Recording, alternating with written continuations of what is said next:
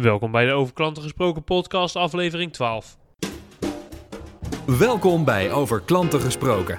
De podcast voor de professional die dagelijks met klanten bezig is. Jouw wekelijkse dosis kennis, inspiratie en energie voor de volgende stap naar een betere klantbeleving. Met uw host, Sydney Brouwer.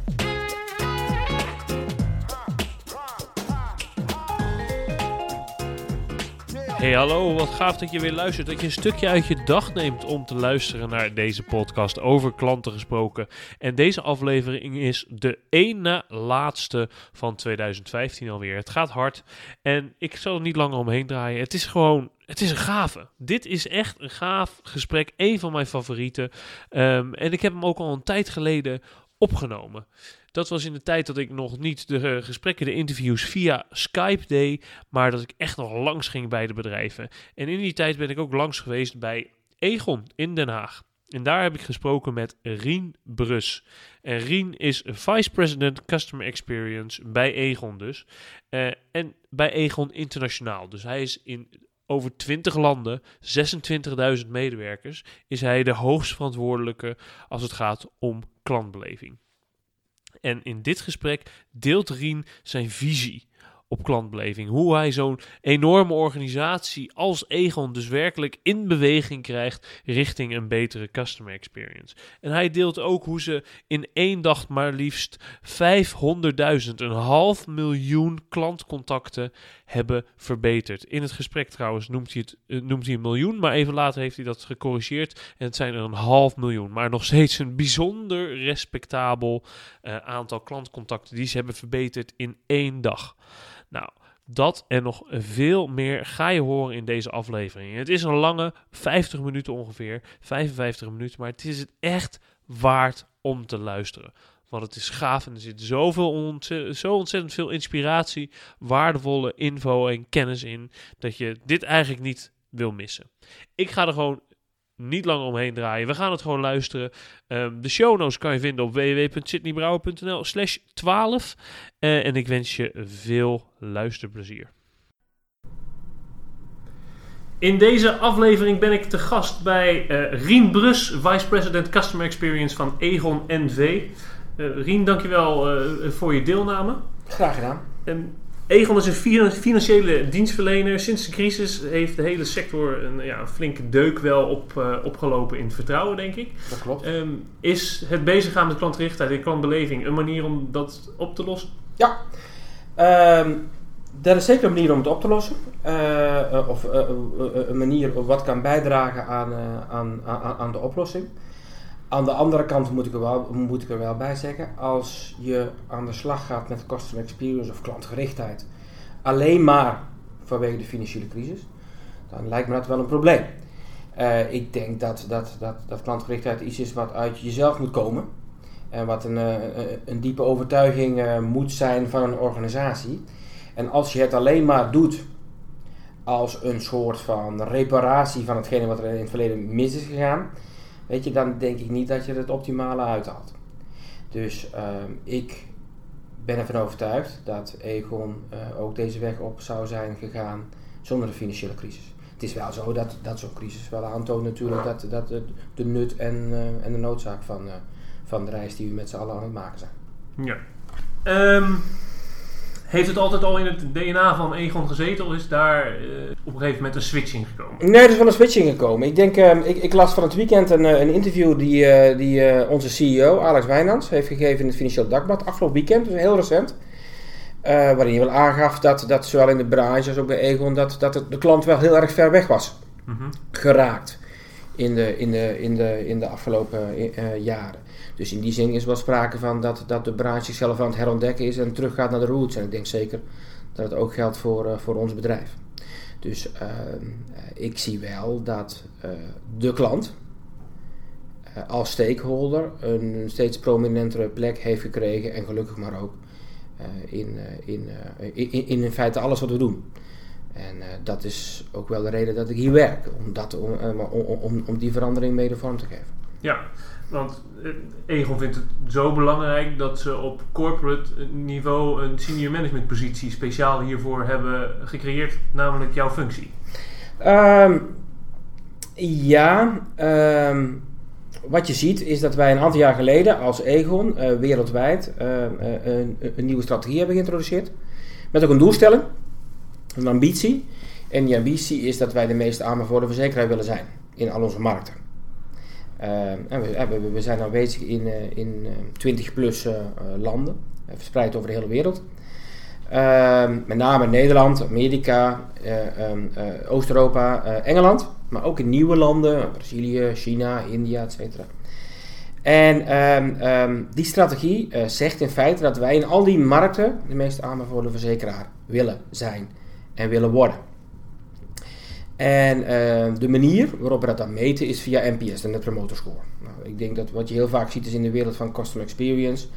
eh, wie je ook spreekt of waar je ook komt, eh, bijna in één adem wordt dan NPS genoemd, loyale klanten genoemd, et cetera. En mijn taak was voorheen in het verleden om NPS neer te zetten, te introduceren binnen Ego Nederland.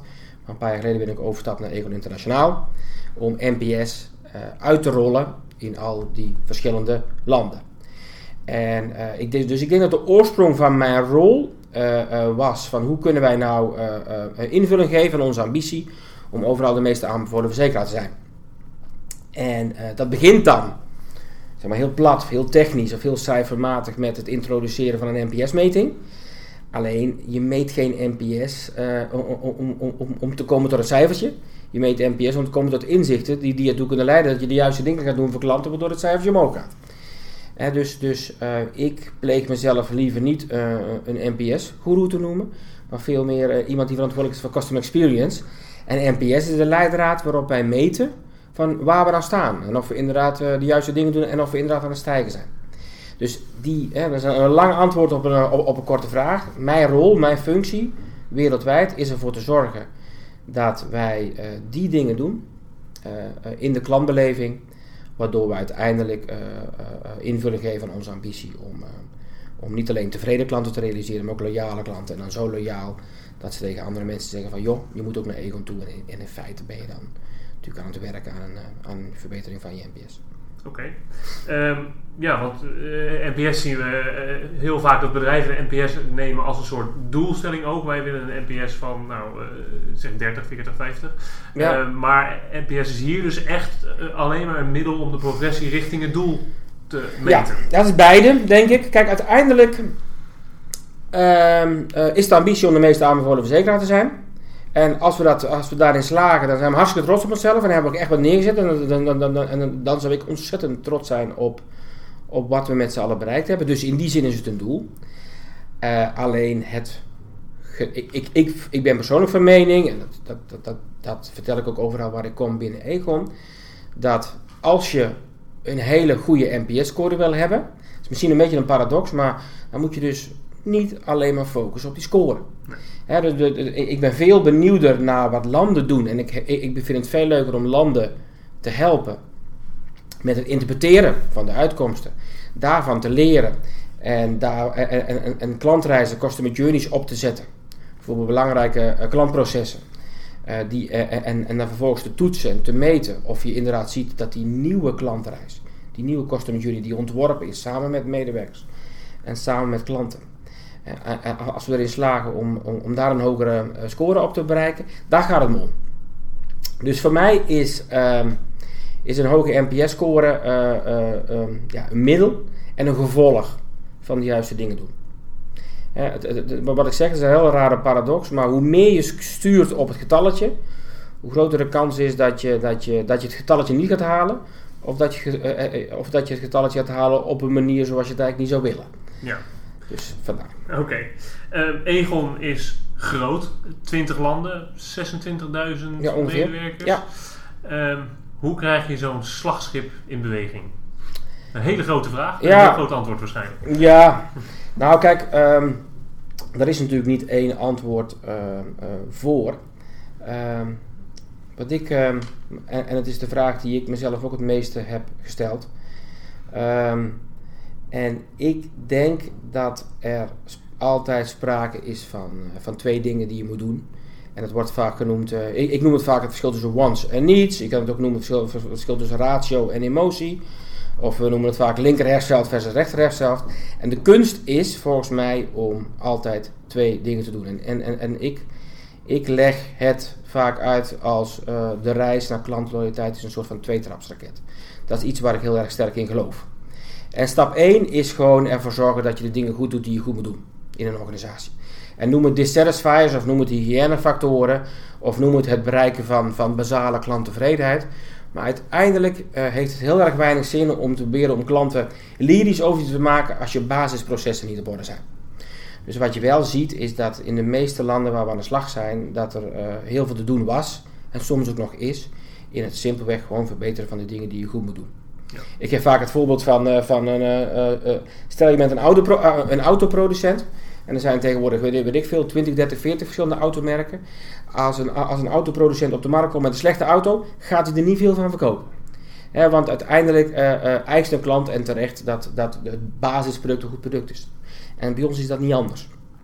Dus stap 1 in die tweetrapsraket is gewoon zorgen dat je, proces, uh, je, je processen op orde zijn. En meestal is dat niet het meest sexy onderdeel van het verbeteren van je klantervaring, maar het is wel een noodzakelijke randvoorwaarde. alleen, wat je ziet is dat heel veel bedrijven dan het, het gevoel hebben van, joh, basisproduct op orde, product op orde, proces op orde, prima. Waarom zijn die klanten nou, nou nog steeds geen, uh, geen fan van, van mij? En er zijn heel veel bedrijven die zeggen met, die, die, die hebben zo'n houding van, die voelen zich eigenlijk het meest comfortabel bij het verbeteren van producten en processen en het verbeteren van de bestaande. En dan hoor je vaak van, joh, het echte fan maken, het echte klanten, de klanten echt heel erg blij maken, dat doen we wel als we onze processen op orde en het punt is een beetje, voor een deel is dat waar, maar voor een deel zit, zit daar ook wel een gevaar in. Omdat ik vaak zie dat mensen dat ook gebruiken als een excuus om maar niet stap 2 te maken van die tweetrapsraket. En in mijn beleving is stap 2 van wat kun je nou in die customer journey, in die klantreis, wat kun je nou toevoegen aan hele kleine elementen. Het hoeven maar één of twee kleine dingen te zijn die echt voor een klant het verschil maken. Want dan niet in de ratio, niet in het product of proces, maar veel meer in de beleving of in het gevoel wat je die klant geeft. Dus wederom een heel lang antwoord. Ik denk dat de reis naar een klantvriendelijk bedrijf uh, bestaat uit twee stappen. Stap 1 is de basale stap van, van zeg maar, een ontevreden klant naar een tevreden klant. Producten, processen op orde. Vaak relatief technisch werk. Uh, alleen de kunst is om dan ook stap 2 te durven zetten. Van joh, uh, wij hebben een product wat zich goed verhoudt tot van de concurrentie uh, op, op die rationele aspecten. Hoe kunnen we nou emotie gaan toevoegen in de klantbeleving. Ja, ik gebruik wel eens eh, vier stappen. De eerste inderdaad, je product moet meet the need, zeg maar. Ja. En moet gewoon uh, goed genoeg zijn. Ja. Volgende stap is dat het ook vooral makkelijk moet zijn om ermee te werken, om het te krijgen, om, om service te krijgen als je het nodig hebt. Ja. Nog een, een stap hoger is dat je het enjoyable maakt, dat het fijn is. En de allermooiste stap als je dat lukt is dat het gepersonaliseerd ja. is. Helemaal afgestemd op wat jij nou echt nodig hebt, op jouw individuele situatie. Dat klopt. En wat je ziet, dat wat, ik denk wat, wat veel mensen denken, of wat veel bedrijven denken, van als we het nou maar gewoon makkelijk maken en uh, seamless, hè, ja. naadloze uh, ervaring, dan bieden we dus een hele goede customer experience. En dat is maar ten dele zo. Of eigenlijk zou ik bijna durven zeggen, het is niet zo. Want als je, van een, um, als je ervoor zorgt dat het voor klanten heel gemakkelijk is, wat je in feite hebt gedaan, is niet zozeer uh, een experience ervan gemaakt, maar gewoon een, uh, de service verbeterd. Ja. En daar is niks mis mee, maar het is nog niet per definitie een experience. En uh, wat ik erg heb geleerd van Joe Pine, een beetje de, de uitvinder van het begrip customer experience, en die wil wel eens het verschil noemen tussen time well saved en time well spent. Ah ja. En um, wat, waar de meeste bedrijven mee bezig zijn, is een ervaring creëren waardoor klanten eigenlijk zeggen achteraf: Well, this was time well saved. Het was makkelijk, snel, ik heb een ding voor elkaar gekregen, prima. Is dat verkeerd? Nee, het is niet verkeerd, maar is het echt experience? Nee, want als je kijkt naar de bedrijven die een echte onderscheidende klantervaring weten te bieden, um, dan zijn het bedrijven die niet alleen klanten laten zeggen: Well, this was time well saved maar die ook klanten laten zeggen: Well, this was time well spent. Ja. En er zijn eigenlijk maar weinig bedrijven, zeker in Nederland, die ook die stap durven te zetten. Als ik kijk naar de goede voorbeelden van klantervaring in Nederland, zijn het bijna altijd bedrijven die de klant ontzettend makkelijk en een stroomlijn, et cetera, maken. Nogmaals, er is niks mis mee, maar je kunt jezelf de vraag stellen of dat echt een klantervaring is. Ja. Want heel graag trekken wij dan eh, binnen Nederland in vergelijking met een bedrijf als Disney. Of een bedrijf als, eh, een bedrijf als Starbucks bijvoorbeeld. Hè, dat zijn dan de bekende customer experience bedrijven. En ehm, ehm, eh, mensen gaan niet naar Disney toe om, ehm, om tijd te besparen. Als je in een park bent, zal Disney best wel dingen doen om ervoor te zorgen dat jij zelf tijd kunt besparen. Ja, de, uh, fastpasses waardoor je niet in de rij hoeft te staan. Dat is een mooi voorbeeld van, van tijd besparen. Maar uiteindelijk ga je naar Disney toe om, om daar tijd door te brengen. En uiteindelijk ga je naar Starbucks toe, niet alleen om koffie te halen, maar ook om de tijd door te brengen. Omdat je het prettig vindt in die ambiance, of het feit dat ze je naam noemen of je naam opschrijven, et cetera. De, de, de, de, de personalisering die er zit. Dus uiteindelijk is het niet alleen time well saved, zoiets van ik hoef geen zelf koffie te zetten, maar dat doen zij voor me. Maar het is ook time well spent. Ik vind het leuk om het te zijn. En de uitdaging voor, voor een bedrijf als Egon is van hoe kunnen wij niet alleen ervoor zorgen dat, dat klanten een hele prettige, snelle, makkelijke, begrijpelijke, eenvoudige klantervaring hebben, time well saved, maar ook dat ze het leuk vinden om met ons in contact te zijn. Time well spent. En uh, dat, dat, dat, dat vind ik wel de uitdaging, ja. Ja, zeker omdat uh, financiële producten. Uh, soms wordt het als een commodity gezien waar dat misschien niet helemaal interessant is dat je erbij moet hebben, maar niet heel sexy is. Ja, klopt. Uh, en daar ben ik het uh, reuze mee oneens. Ja. En wat had je niet, dat, dat, dat, dat zal je niet verbazen. Uh, dus ik ben blij dat, dat ik de kans heb om voor, eer, om voor eens en voor altijd ehm, af te rekenen met het idee dat, dat verzekeringen saai zijn. Kijk, ehm, als ik ergens een lezing houd, dan vraag ik vaak van, joh, wie van jullie vindt verzekeringen leuk? steek je handen, steek je handen eens op als je verzekeringen leuk vindt. En dan zie je vaak weinig handen. Dat snap ik best. En uh, ik heb jarenlang ook elke maand een verhaaltje uh, gehouden voor nieuwe medewerkers bij Egon. Mensen die hun eerste werkdag hadden bij Egon. En ook dan stel ik de vraag van wie van jullie vindt verzekeringen leuk? En ook dan kreeg ik weinig handen. Dat was best wel grappig. Het was ook wel heel erg eerlijk. Dat mensen op een eerste werkdag bij een verzekeraar zeggen... nou, eigenlijk vind ik verzekeringen helemaal niet leuk. Uh, dus het algemene beeld dat verzekeringen saai zijn... dat herken ik uh, wel. Maar laat ik hem eens, uh, eens anders uh, formuleren. En dat is ook wel hoe ik vaak doe als ik, als ik een verhaal hou voor groepen. Dan, stel ik de, de vraag: van, joh, beste luisteraars, beste mensen, noem mij nou eens de meest belangrijke momenten in jouw leven tot nu toe. Ja, dan gaan de handen omhoog en dan zeggen mensen van dingen als van nou, geboren worden. Hè, of trouwen. Of misschien scheiden. Te, of het overlijden van mijn vader. Of mijn eerste baan. Of het kopen van een huis. Ja, dat zijn momenten die iedereen herkent als de belangrijkste, meest essentiële, meest emotionele momenten in iemands leven. En ik ben heel blij dat wij een bedrijf zijn, en het enige bedrijf zijn, of het enige bedrijfstak zijn, die echt oprecht kan zeggen dat wij een rol te spelen hebben in al die momenten. Want wij hebben producten voor iemand die overlijdt, iemand die geboren wordt, iemand die een huis koopt, iemand die een eerste baan heeft, hè, kom je met pensioen uit, et cetera. Uh, dus uh, uh, in tegenstelling tot sexy bedrijven of leuke bedrijfstakken als, als, als de hotelwezen of Disney of Apple of zo, je kent die voorbeelden wel die altijd genoemd worden, zijn, zijn wij toch het enige bedrijfstak die daadwerkelijk kan zeggen dat wij een heel relevante rol te vervullen hebben voor klanten op de belangrijkste momenten in hun leven. Dus in die zin zijn we helemaal niet saai, zijn we extreem relevant en extreem relevant op hele persoonlijke emotionele momenten. Ja. Dus als je vanaf die kant bekijkt, ben ik eigenlijk van overtuigd dat onze verzekeringen helemaal niet saai zijn. Punt is alleen, denk ik, dat het moment waarop ons product wordt aangeschaft, in het algemeen een hele ander moment is dan het moment waarop het product wordt gebruikt. Ja. Op het moment dat je het product aanschaft, dan kijk je naar de prijs en dan, dan, dan is er een, heel goed, een heleboel gedoe en er is een heleboel papierwerk en dan uiteindelijk produceer je alleen maar een polis en dat is ook een stukje papier. Daar word je niet heel erg opgewonden van. Maar op het moment dat je een product nodig hebt, ja, op het moment dat jij een autoverzekering hebt, maar, maar, maar je bent daadwerkelijk zojuist tegen een boom aangereden, dan is jouw emotionele staat een hele andere en de manier waarop je dan wordt geholpen, goed wordt geholpen, slecht wordt geholpen, is ontzettend belangrijk. Ja. Dus de kunst voor ons is dat je klanten bij het aankoopmoment op een of andere manier toch een, um, um, het uh, laat proeven, of laat voelen hoe het is om het product te gebruiken. En dat moment dat je product gebruikt kan best wel eens 10 jaar later zijn of 20 jaar later zijn. En, en in het geval van een autoverzekering hoop je dat het product, dat, dat, dat, dat moment zich nooit aandient. Kun je nagaan. En dus wij zijn een van de weinige producenten van producten waarvan je soms zou hopen dat, dat klanten dat nooit gaan gebruiken. Ja. want dat is het beste voor de klant en ook het beste voor ons. Dat, dat is wat onze, zeg maar, onze uitdaging is als het gaat om customer experience. Maar, ehm, en als we daarin slagen, dan denk ik dat klanten ook automatisch zullen zeggen dat onze producten helemaal niet saai zijn. Ja.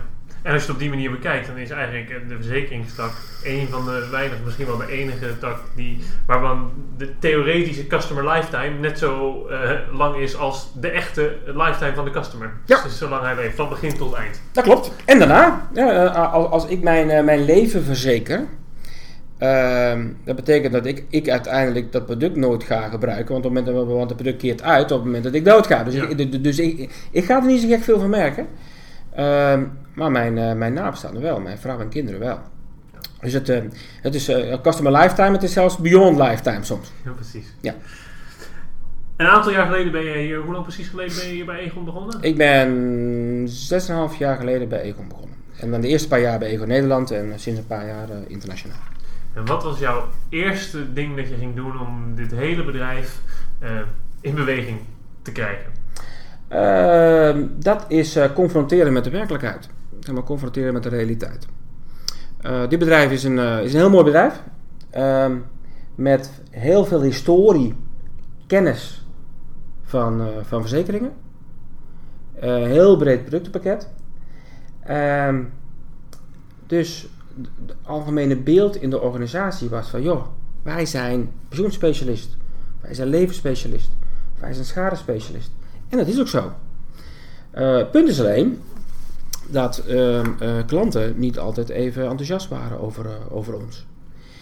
dus het eerste wat ik ben gaan doen, is ehm, de organisatie confronteren met, met de realiteit, met hoe klanten over ons dachten.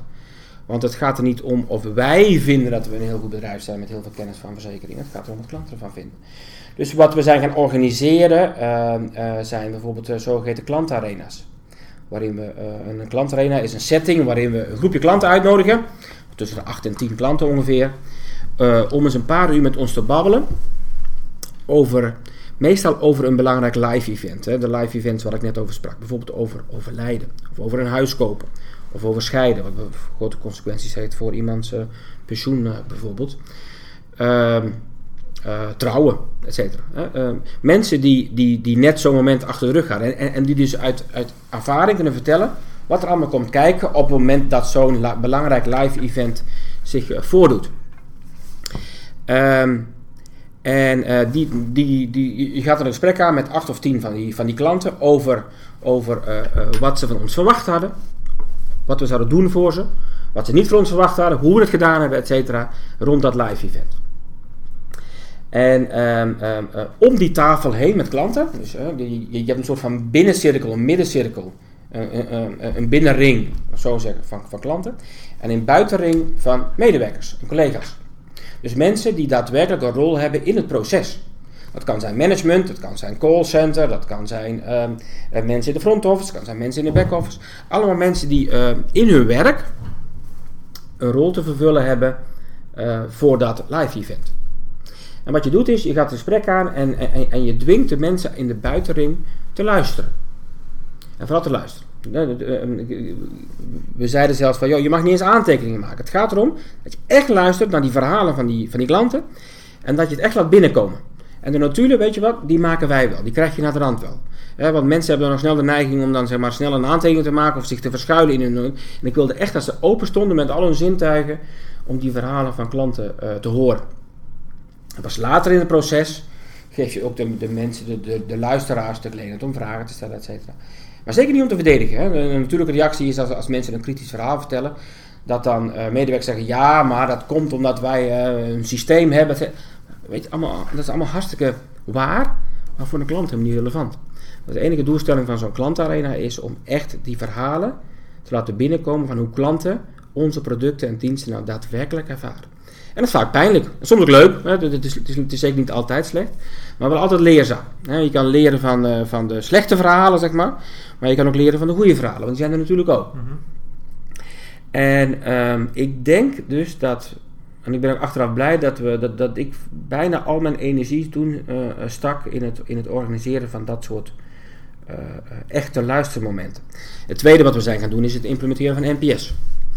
We wilden een, een, een, een, een meetsysteem hebben, uiteindelijk ook in alle landen, waardoor wij feedback kregen van klanten over hoe we het deden. En, dus het, het, het, NPS is een wat meer uh, kwantitatieve manier om te luisteren naar, naar, naar klanten. Klantarenas is een veel meer kwalitatieve manier om, om te luisteren naar klanten. We hebben ze beide toegepast en nog vele andere manieren overigens van, van luisteren.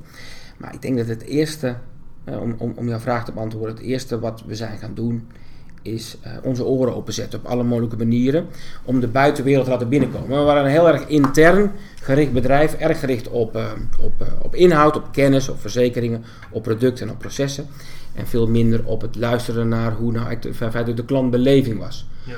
Dus tot die tijd gingen we met name over product, proces, prijs.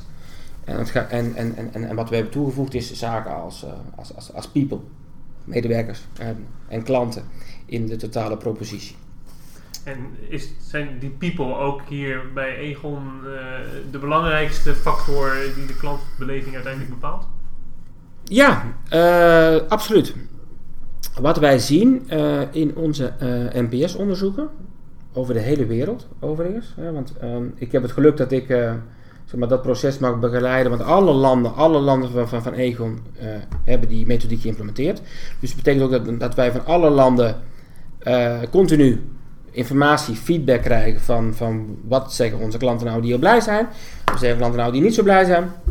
Het interessante is dat zeg maar, het contact met medewerkers uh, van Egon wereldwijd de nummer 1 fanmaker is. De nummer 1 reden is waarom klanten ons aanbevelen. En soms ook de reden is waarom klanten ons juist niet aanbevelen. Ja. dus die, uh, uh, wat je vaak hoort van onze mensen maken het verschil. En ik, ik ben zeker van die school, zeg maar. Ik geloof daar heel sterk in, in de, in de value profit chain. goede medewerkers maken blije klanten en blije klanten maken uiteindelijk blije aandeelhouders. Dat is iets waar ik heel sterk in, in geloof. En ik ben ook heel blij dat, je, dat wij zien in onze onderzoeken ehm, dat uh, dit ook bij ons het uh, geval is. Ja. En uh, dat, dat heeft als mooi voordeel ook dat je echt een verandering, een verbetering ziet in ehm, het belang en de waardering die onze medewerkers wereldwijd krijgen. Met name de medewerkers die vaak onder lastige omstandigheden hun best moeten doen om, om klanten te woord te staan. Want het is zeker niet altijd en overal zo dat onze systemen overal al helemaal fantastisch zijn. Dus vaak in de, hoor je die verhalen van dat je een klant, eh, dat je vier of vijf schermen aan de telefoon moet openen om een klant maar goed te, te woord te staan en goed te helpen. Nou, dat, natuurlijk gebeurt dat bij ons ook wel eens. En ik heb heel veel respect voor die medewerkers die erin slagen om dat dan toch goed te doen. Mhm. En hoe, hoe zorg je dan dat um, die klantbeleving, wat vaak begint bij de marketingafdeling, maar uiteindelijk bij iedereen in je organisatie uh, een rol gaat spelen? Want uiteindelijk heeft iedereen direct of indirect wel een, een invloed op de uiteindelijke klantbeleving. Ja, uh, dat klopt. Uh, nou, ik, ik, kan een paar voorbeelden geven van hoe we dat doen. Uh, ten eerste, ja, het begint bij een afdeling marketing, dat is waar. Uh, aan de andere kant, het voorbeeld wat ik net gaf ten aanzien van klantarena's, mm zie je dat daadwerkelijk dat, dat, om iedereen een beeld te geven van hoe een klant nou daadwerkelijk ons ervaart, dat, dat luisteren naar klanten, dat, dat, dat was open voor iedereen. Niet alleen voor marketeers, maar voor iedereen. Ook voor mensen aan het callcenter, ook voor management, ook voor mensen, mensen aan de back-office kant. Dus je, je wilt een soort van gemeenschappelijk beeld creëren van hoe wij het doen. En ook een gemeenschappelijk belang creëren. En ik ben ervan overtuigd dat iedereen in een organisatie werkt voor klanten. Het enige verschil is, sommige mensen hebben, hebben direct contact met die klanten en andere mensen hebben geen direct contact met die klanten. Maar iedereen werkt, dus je moet wel degelijk heel duidelijk benadrukken in een organisatie dat ieders rol uh, te vertalen is in iets wat de klant uiteindelijk ervaart. Soms is het direct en indirect, maar uiteindelijk is het, eh, geldt, geldt het voor iedereen. En um, wat we bijvoorbeeld met succes hebben uitgerold in een heleboel landen, is het zogeheten klantenrijbewijs. Customer License programma. Dat dat, uh, dat uh, loopt uh, in Nederland, het loopt hier op het Corporate Center, dus is op de holding. Maar het loopt ook in Spanje en het loopt ook in Japan. En ik ben over een paar weken in Hongkong om het uit te rollen voor een aantal andere Aziatische landen. Hongkong zelf, eh, China, India, etc. Nou, wat is het, het klantenrijbewijsprogramma? Wij zeggen van alle medewerkers die in hun natuurlijke baan, in hun reguliere baan eigenlijk niet of nauwelijks ooit klantcontact hebben, Dat geldt voor best veel mensen.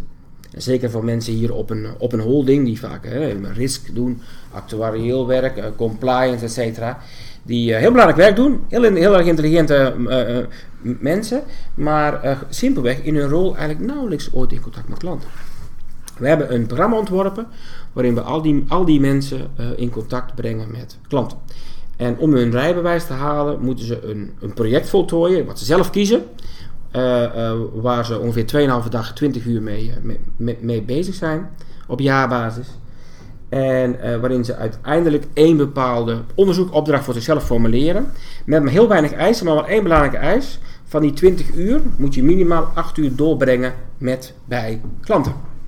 Het kan zijn zelf aan, een, aan de telefoon zitten. Het kan zijn vrienden en familie met Econ-producten interviewen. Het kan van alles zijn. en uiteindelijk moeten zij ook hun ervaringen hun, hun, hun, inzichten die ze hebben opgedaan in dat proces, moeten ze presenteren voor hun peers, voor hun uh, collega's.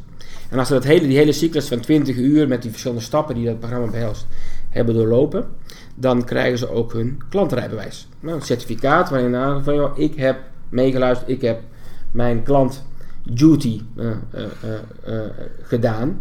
En natuurlijk, het is, voor de ene kant is het een beetje een programma met een knipoog. Uh, maar uh, de essentie is toch wel een hele belangrijke, namelijk van joh, iedereen binnen onze organisatie moet weten wat het is om klant van Econ te zijn. En het leuke van dat programma is, het, het geeft die medewerkers die vaak nog nooit met de klant hebben gespro hadden gesproken, inzicht over, uh, over customer experience. Maar ehm, het levert ook heel veel inzicht op die wij weer kunnen gebruiken om onze processen te verbeteren. Want het leuke van die medewerkers is, juist als ze weinig klantcontact hebben, is dat ze eigenlijk best wel goede mystery shoppers zijn. Mm want het zijn slimme betrokken medewerkers, maar toch met weinig ervaring in klantdenken. Dus die, die, die, die gaan een bepaalde opdracht doen of die gaan een, een bepaald proces bekijken. Wat we, en, en, en die komen best vaak tot hele interessante inzichten. Van, goh, waarom doen we het eigenlijk zo? En uh, dus ik heb wel, uh, dus wat ik heb geleerd in, in de loop van de paar jaar dat, dat dit programma loopt, is dat het niet alleen mensen dichter bij klanten heeft gebracht, dat het ook heeft geleid tot hele concrete verbeteringen in bepaalde klantprocessen binnen een organisatie. En ten derde, wat je ziet, is dat het ook wel geleid heeft tot meer respect en waardering voor de mensen die wel het dagelijks klantcontact doen en die uh, zeg maar in de vuurlinie zitten of in de frontline, uh, in de frontline zitten. Um, en wat, wat, ik altijd zelf wel leuk vind om te vermelden is dat um, de allereerste personen die het klantrijbewijs hebben gedaan binnen Egon, was ook het senior leadership.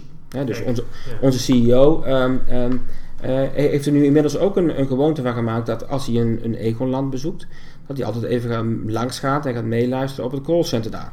Soms is het een beetje lastig, want soms gebeurt het natuurlijk in een taal die hij ook niet begrijpt. Maar het feit dat hij daar is en dat je aandacht steekt aan de mensen en aan de klant denken en aan het, eh, het contact, geeft wel aan dat, dat, dat, dat, dit wel echt een, eh, een, belangrijke verschuiving is die heeft, die heeft plaatsgevonden. Wat een fantastische creatieve oplossing. oplossing ja, ja. manier om echt die klant door de hele organisatie een ja. rol te laten spelen. Ja. Mooi. Um, jullie hebben niet heel lang geleden volgens mij een Customer Experience Center geopend. Ja, klopt. Binnen Evo Nederland. Ja, binnen Evo Nederland. Ja. En dat is, kan je iets meer over vertellen? Over nou, ja, het is hier een paar verdiepingen naar beneden. Uh, wat je ziet is, is, dat we daar alle faciliteiten hebben ingericht om um, um, uh, mee te kijken, mee te luisteren en het gedrag van klanten uh, te bestuderen en op basis daarvan ook te verbeteren. En wat ik zo mooi vind aan dat, want je, je kan zeg maar, eyeball tracking en je kan maar, gewoon groepsgesprek houden. Ik sprak net over klantenarena's. Nou, de, ook, ook, dat soort gesprekken kun je met klanten houden. Dus zowel voor kwalitatief als kwantitatief, heel technisch geavanceerd onderzoek. Maar ook voor heel een één op één gesprekken is die, is die ruimte geschikt. Um, wat ik mooi vind aan die ruimte, vooral, is niet alleen dus dat het functioneel is, maar ook dat het heel erg visueel is. Wat ik daarmee bedoel is uh, de plek in het gebouw waar het is, is, is gebouwd, is echt een, is een plek waar veel mensen langskomen, veel mensen voorbij komen, omdat het namelijk de route is richting onze vergaderzalen. En dus ik geloof heel erg in, in, in symbolen. En het feit dat wij ons eigen Customer Experience Center hebben, uh, op een heel zichtbare plek, geeft ook wel aan dat wij als bedrijf aan het veranderen zijn. En dat wij alle mogelijke manieren uh, willen toepassen om onze klanten letterlijk naar binnen te halen in de organisatie.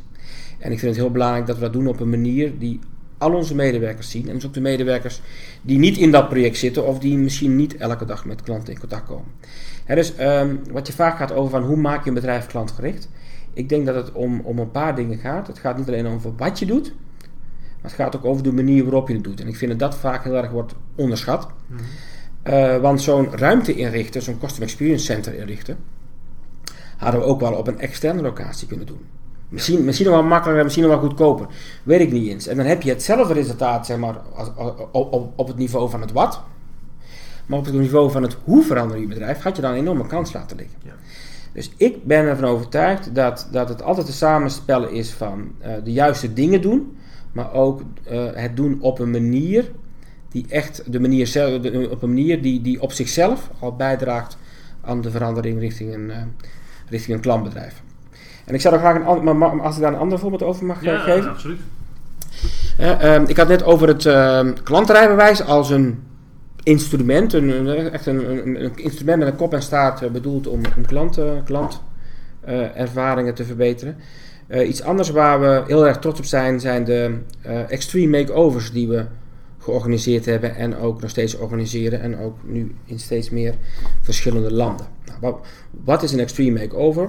Je kent ongetwijfeld wel dat programma in Amerika waarin dan een groep mensen in één dag of in één week een, een, een compleet huis bouwen voor een gezin die met een orkaan een, eh, een huis of zo is kwijtgeraakt. Dat programma dat ken je wel. Toen dachten we van joh, als je in een dag of in een week een huis kunt bouwen, dan kun je ook in een dag kun je bijvoorbeeld heel veel klantcontacten verbeteren. En uh, um, um, waar banken en verzekeraars bekend om staan, helaas, is om het feit dat wij hele uh, lange, saaie, ingewikkelde brieven sturen naar klanten. En we dachten van, hoe kunnen we nou dat proces verbeteren, maar ook op een manier die, die, die, die, die mensen aanspreekt en die dus leidt tot het juiste effect, maar ook die bijdraagt aan de verandering op zich. En we kwamen tot het idee van de Extreme Makeover. Wat is dat? Dat is één dag en op die één dag stellen we onszelf als organisatie ten doel om zoveel mogelijk klantcontacten te verbeteren. Dus wat doen we dan bijvoorbeeld? We nodigen alle mensen uit die verantwoordelijk zijn of een rol hebben bij het verbeteren van onze brieven die in onze systemen zitten. Het zal je niet verbazen dat een verzekeraar heel veel brieven uit systemen uitspuugt richting klanten op, reguliere basis. Nou, wat hebben we gedaan? We hebben gekeken van, eh, kunnen wij van al die brieven de brieven selecteren waar we vaak veel vragen over krijgen, die onduidelijk zijn of die niet klantvriendelijk zijn, maar die wel heel belangrijk zijn voor klanten. En liefst ook brieven die we heel vaak versturen. Met andere woorden, dat als je die brief verbetert, dat je eh, tegelijkertijd tienduizenden klantcontacten kunt verbeteren, omdat we die brief tienduizenden keren per jaar versturen. Nou, zo um, uh, creëren we dan een setting, dan zetten we alle mensen bij elkaar. Het liefst doen we dat hier in de centrale hal van Egon. Hele grote hal, heel zichtbaar. En, en dan gaat er s ochtends om 9 uur gaat er een gong. En dan gaan alle mensen aan de slag met het verbeteren van die brieven. We nodigen zelfs klanten uit om mee te schrijven. En die gebruiken we ook als test. Dus als we een brief, zeg maar, van een complexe brief een eenvoudige brief hebben gemaakt, die ook eens klantvriendelijk is, dan leggen we hem voor te plekken aan een aanwezig klantenpanel. En we stellen die klanten een paar vragen over die brief. Om te, om te testen, om te toetsen of we die brief echt begrepen hebben.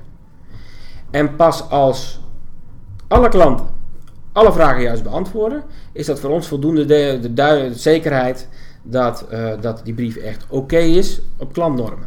En uh, op diezelfde dag testen we hem ook uh, juridisch en compliance en zo, risk. Je, je kent dat, dat soort afdelingen wel die ook belangrijk zijn voor het, voor het creëren van een nieuwe standaardbrief. En als dat om 6 uur s middags de bel gaat of de gong gaat, hè, dan, dan, dan, dan, tellen we alles op. En, en, en, en, we zijn er wel eens in geslaagd om in één dag tijd zo'n 60 standaardbrieven van kop tot staart te herschrijven. Met tienduizenden verbeterde klantmomenten tot gevolg waarschijnlijk. Nou, met meer dan een miljoen. Ja. Ongelooflijk. Ja, als je, want als je optelt dat die ene brief, die wordt 30.000 keer per jaar gestuurd, die andere wordt 40.000 keer per jaar gestuurd. En, en, en we hebben wel eens een dag gehad dat je daadwerkelijk aan het eind van de dag kon zeggen, we hebben nu met z'n allen 1 miljoen klantcontacten per jaar echt gewoon aantoonbaar verbeterd. En um, zo'n extreme makeover sessie met een man of 20, waarin je dan met z'n allen zeg maar, een sport, een wedstrijd van maakt, om daar iets moois van te maken die dag. En, dan, en het creëert een situatie dat mensen op een gegeven moment zelf zeggen van, joh, laat die lunch maar zitten, ik ga liever door. En dan haal ik wat broodjes en zo, en dan gooi ik naar binnen toe en dan gaan ze... En ze, ze willen echt zeg maar, hun eigen record verbeteren, dat is heel leuk. En... ehm ehm, eh, maar het liefst, zoals ik al zei, organiseren we dat eh, in een centrale hal. Terwijl we best wel vergaderkamers hebben of ruimtes hebben. Waarin we dat prima ook kunnen organiseren. Misschien wel beter kunnen organiseren.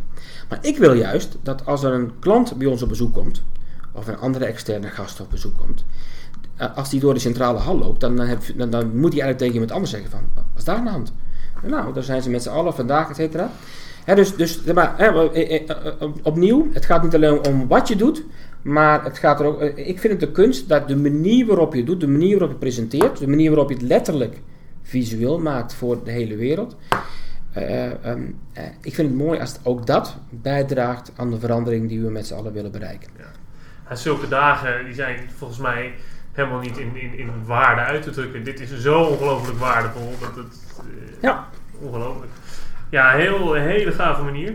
Ehm, ik kan nog een uur over door blijven praten. Maar ehm, eh, je bent niet heel lang geleden naar Orlando geweest. Voor Ja. een soort benchmark reis. Ja, klopt. Ehm, langs eh, nou ja, een aantal legendarische eh, klant, klantbelevingbedrijven. laten we ze even zo noemen. De Disney, Harley Davidson. Ja, nog een aantal. Ja, Publix, een, een, een supermarkt die, die met, met name in, in, in Florida heel hoge ogen gooit als het gaat om, eh, om, eh, om eh, klantbeleving. Eh, JetBlue, een luchtvaartmaatschappij, die eh, ondanks het feit dat een low-cost carrier is, toch erin slaagt om een hele goede klantbeleving te, te, te- Net als Southwest Ja. eigenlijk. ja, het is een beetje, dus, klopt. Het is ehm, ehm, datgene wat, wat vroeger alleen Southwest kon. dat doet JetBlue nu ook. Dus het is wel interessant dat er twee van die partijen zijn. En ik, ik, ik ben fan van beide. Dus ik, ik, ik, Ja. ik moet regelmatig in Amerika zijn. En dus dan wil ik nog wel eens een foto maken als ik zo'n JetBlue of, of, of Southwest Airlines vliegtuig voorbij zie komen. Ja. Eh, Was het waardevol en heb je daar eh, ideeën uitgehaald die je uiteindelijk hier bij Egon hebt weten te implementeren? Ja, zeker. Ehm, ik vind het sowieso... ehm, ik heb nogal een eigen mening als het gaat over benchmarken. Ehm, ik denk dat benchmarken heel erg goed is om te doen, maar dat het bijna altijd op de verkeerde manier gebeurt. En ehm, wat, bedoel ik daarmee? Ehm, als je gaat benchmarken en je kijkt alleen maar naar hoe ehm, eh, eh, andere bedrijven in onze eigen branche doen, dan loop je het risico dat je het eigenlijk net hetzelfde gaat doen als de concurrent. Misschien net een beetje beter, misschien net een beetje anders, maar dat is het dan wel zo. En ik denk dat het veel leerzamer is om eh, te benchmarken, maar dan met benchmarks buiten je branche. In plaats van binnen je branche. Eh, dus ik pleit altijd voor minder benchmarken met andere banken en verzekeraars. En meer benchmarken met, met bedrijven uit totaal andere eh, eh, werelden. En als dat betekent een leuk reisje naar Orlando, dan is dat maar zo. En als dat betekent een leuk reisje naar Orlando, dan is, dat, dan, dan, is, dat, in, dan is dat inderdaad maar zo. Maar toch, ehm, het was een fantastische ervaring, maar het, eh, het was ook hard werken. Ja. Dus het is, ehm, eh, eh, ja, het is een leuk reisje, maar het was zeker geen, geen snoepreisje. En het, het is ook elke euro dubbel en dwars waard geweest. Omdat ik die, maar, dat soort principes die, die bijvoorbeeld een Disney toepast, wel heel erg eh, sterk eh, ook probeer te vertalen binnen, binnen Egon. En wat bij het meeste is opgevallen eh, van al die bedrijven die wij bezocht hebben, en dat is echt, echt wel iets wat bij mij is gaan, eh, gaan resoneren, is dat als je als marketeer, want uiteindelijk ben ik diep van binnen ben ik nog steeds een marketeer, en eh, de meeste van mijn collega's die ook naar diezelfde Orlando reis zijn, dat zijn ook van oorsprong marketeers. Eh, als je dan op zo'n benchmark reis gaat naar de Disney's en JetBlue's van deze wereld, dan verwacht je te spreken of eh, welkom te worden geheten door, eh, door, door mensen uit marketing- en communicatieafdelingen van bijvoorbeeld Disney, et cetera. En dat was eigenlijk nooit het geval. We werden bijna altijd, werden we, werd de rondleiding of de presentatie of wat dan ook, werd gedaan door mensen vanuit, vanuit HR, vanuit de HR-afdeling. En ehm, eh, wat de meeste mensen heel duidelijk zeiden van, joh, als je benieuwd bent van hoe wij eh, eh, onze klanten meer dan loyaal maken, dan is de eerste vraag niet goh, hoe maken we onze klanten loyaal? Maar is de vraag, hoe maken we onze medewerkers loyaal? Omdat onze medewerkers de mensen die uiteindelijk de klant loyaal maken. En, en, en die weer uiteindelijk de, de, de aandeelhouder loyaal maken. Dus dat principe van um, buiten winnen is binnen beginnen. Mhm. uh, dat was eigenlijk heel duidelijk aanwezig bij al die verschillende bedrijven die, we, die ik uh, bezocht heb uh, bij de Orlando Experience. En ook in het verleden heb ik uh, het geluk gehad om andere bedrijven te mogen bestuderen vanuit de, binnenkant en vanuit de buitenkant. Bijvoorbeeld, ik heb een tijdje meegewerkt bij Ritz-Carlton, een, een le legendarisch hotelketen in, in Amerika. Ik ben bij, bij advocatenkantoren geweest, ik ben bij andere supermarkten geweest in Amerika. soms trouwens ook bij, bij, bij hele mooie bedrijven in Nederland, want het klinkt vaak alsof dat de mooie voorbeeldbedrijven alleen maar ver weg zitten. Dat hoeft helemaal niet zo te zijn. Uh, maar de les is bijna altijd wel buiten winnen is, uh, is, uh, is binnen beginnen. En um, ik denk dat daar waar Custom Experience binnen Nederland nog heel veel te leren heeft, is dat je ziet dat Custom Experience bijna altijd wordt gedaan door mensen met een marketing- communicatie achtergrond. En van nature um, um, drinken uh, marketeers niet zo vaak koffie met de mensen van HR. Mhm. In de meeste bedrijven is dat niet het geval. En ik uh, zie daarbij die bedrijven die, die, men, die, die, die heel succesvol zijn op customer experience gebied, dat dat juist wel gebeurt. Dat je mensen ook ziet overstappen. Dat je marketeers ziet op HR-afdelingen. En dat je HR-mensen ziet op marketingafdelingen. En dat die verbinding veel sterker is. Ik heb die verbinding echt geproefd bij Disney. Ik heb die verbinding echt geproefd bij Ritz-Carlton. Ik heb die verbinding echt geproefd bij Starbucks bijvoorbeeld. En um, ik vind dus dat in Nederland uh, die vraag te weinig wordt gesteld en dan helemaal niet wordt beantwoord. Van, van beste marketeer, jij wil graag een hoge NPS. Wat doe jij om een hoge E-NPS te realiseren? Een hoge employee-NPS aan de binnenkant van je organisatie. En dan wordt er vaak gezegd van ja, maar dat, dat, dat, dat, dat is niet mijn taak, dat is de taak van HR. Maar als het zo is, en dat zie je eigenlijk overal en ook in onze NPS-getallen. Als het zo is dat de belangrijkste factor voor een hoge NPS je eigen medewerkers zijn, je eigen medewerkers aan de front office, dan kan het wel eens heel erg relevant zijn om ook te werken aan een hoge ENPS. Ja. En wat ik in ieder geval heel erg zie in mijn rol of in mijn tijdsbesteding, is dat ik misschien wel net zoveel, misschien wel meer tijd bezig ben met collega's, met medewerkers, met ENPS, employee NPS, in, in mijn organisatie dan dat ik bezig ben met, uh, met marketeers uh, en NPS. Um, ehm, en dus ik, ik denk als, als ik mijn rol binnen Ego moet definiëren, dan is, gaat het heel erg vanuit het principe van buiten winnen is binnen beginnen. Ja. En ik denk dat, dat ik, weet je, ik, ik heb honderd meningen, en, uh, maar als ik op een podcast zou mogen zeggen van wat is nou mijn ene advies, weet je wel, of mijn ene uh, ding wat ik zou willen meegeven aan de customer experience wereld in Nederland, dan is het wel dat principe van buiten winnen is binnen beginnen. Alleen merk ik dat veel marketeers het toch maar weinig sexy vinden zeg maar, om binnen te beginnen. Ja. want daar, daar gebeurt het niet. Uh, terwijl het best wel zo, zo zou kunnen zijn dat het daar misschien juist wel gebeurt. In ieder geval wel begint. Dus eigenlijk is de customer experience is niet een marketingproject als je het echt goed doet, maar is een way of doing business. Het moet door je hele bedrijf zitten. Dat klopt, dat klopt. En uh, ik, ik uh, uh, sterker nog, ik, ehm, ik denk dat het begrip klantgerichtheid eigenlijk niet eens bestaat. Ik geloof namelijk in de klantgerichtheid. Ik geloof veel meer in mensgerichtheid. Mm -hmm. Je bent een mensgericht bedrijf in plaats van een klantgericht bedrijf. Ik ben er nooit een bedrijf tegengekomen wat, wat intrinsiek klantgericht was, zonder ook de interne klant als klant te behandelen. Het lijkt me heel raar dat er een bedrijf is waar uh, uh, uh, dat haar eigen medewerkers helemaal niet ziet als belangrijke stakeholder, maar er vervolgens wel in slaagt om alle klanten heel erg blij te maken. Ja. Dat lijkt me heel knap. En zeker in een dienstverlenende organisatie en, en, en zeker in Nederland zeg maar, ehm, ehm, hebben wij nogal een grote dienstensector. Ehm, dus je zou jezelf zelfs de vraag kunnen stellen, denk ik, van als we met z'n allen klantgericht willen worden, of als een bedrijf een klantgericht bedrijf wil worden, of een hele gave customer experience wil realiseren, zou het dan niet gewoon moeten beginnen met het realiseren van, van, een, van een employee experience. Ja.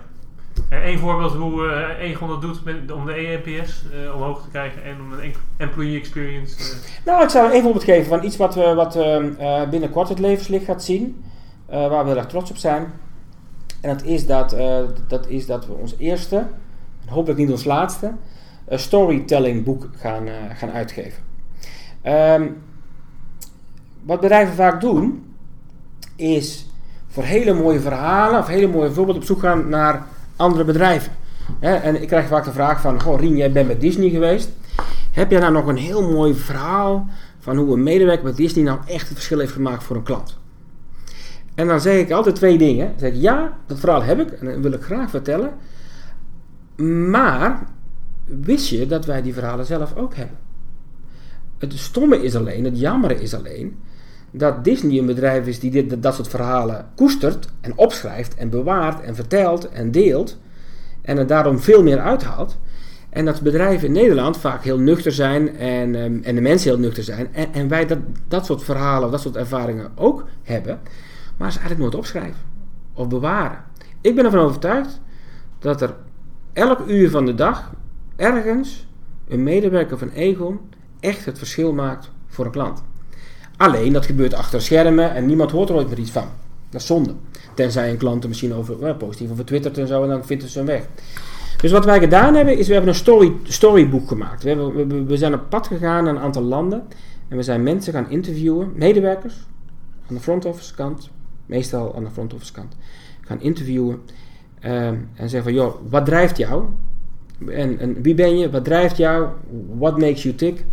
En, en kun je vertellen van wat jij van jezelf meeneemt naar je werk en hoe, en hoe je dat gebruikt, iets van jouw eigen karakter gebruikt om klanten te helpen, om klanten beter te helpen dan, dan, dan, dan anders.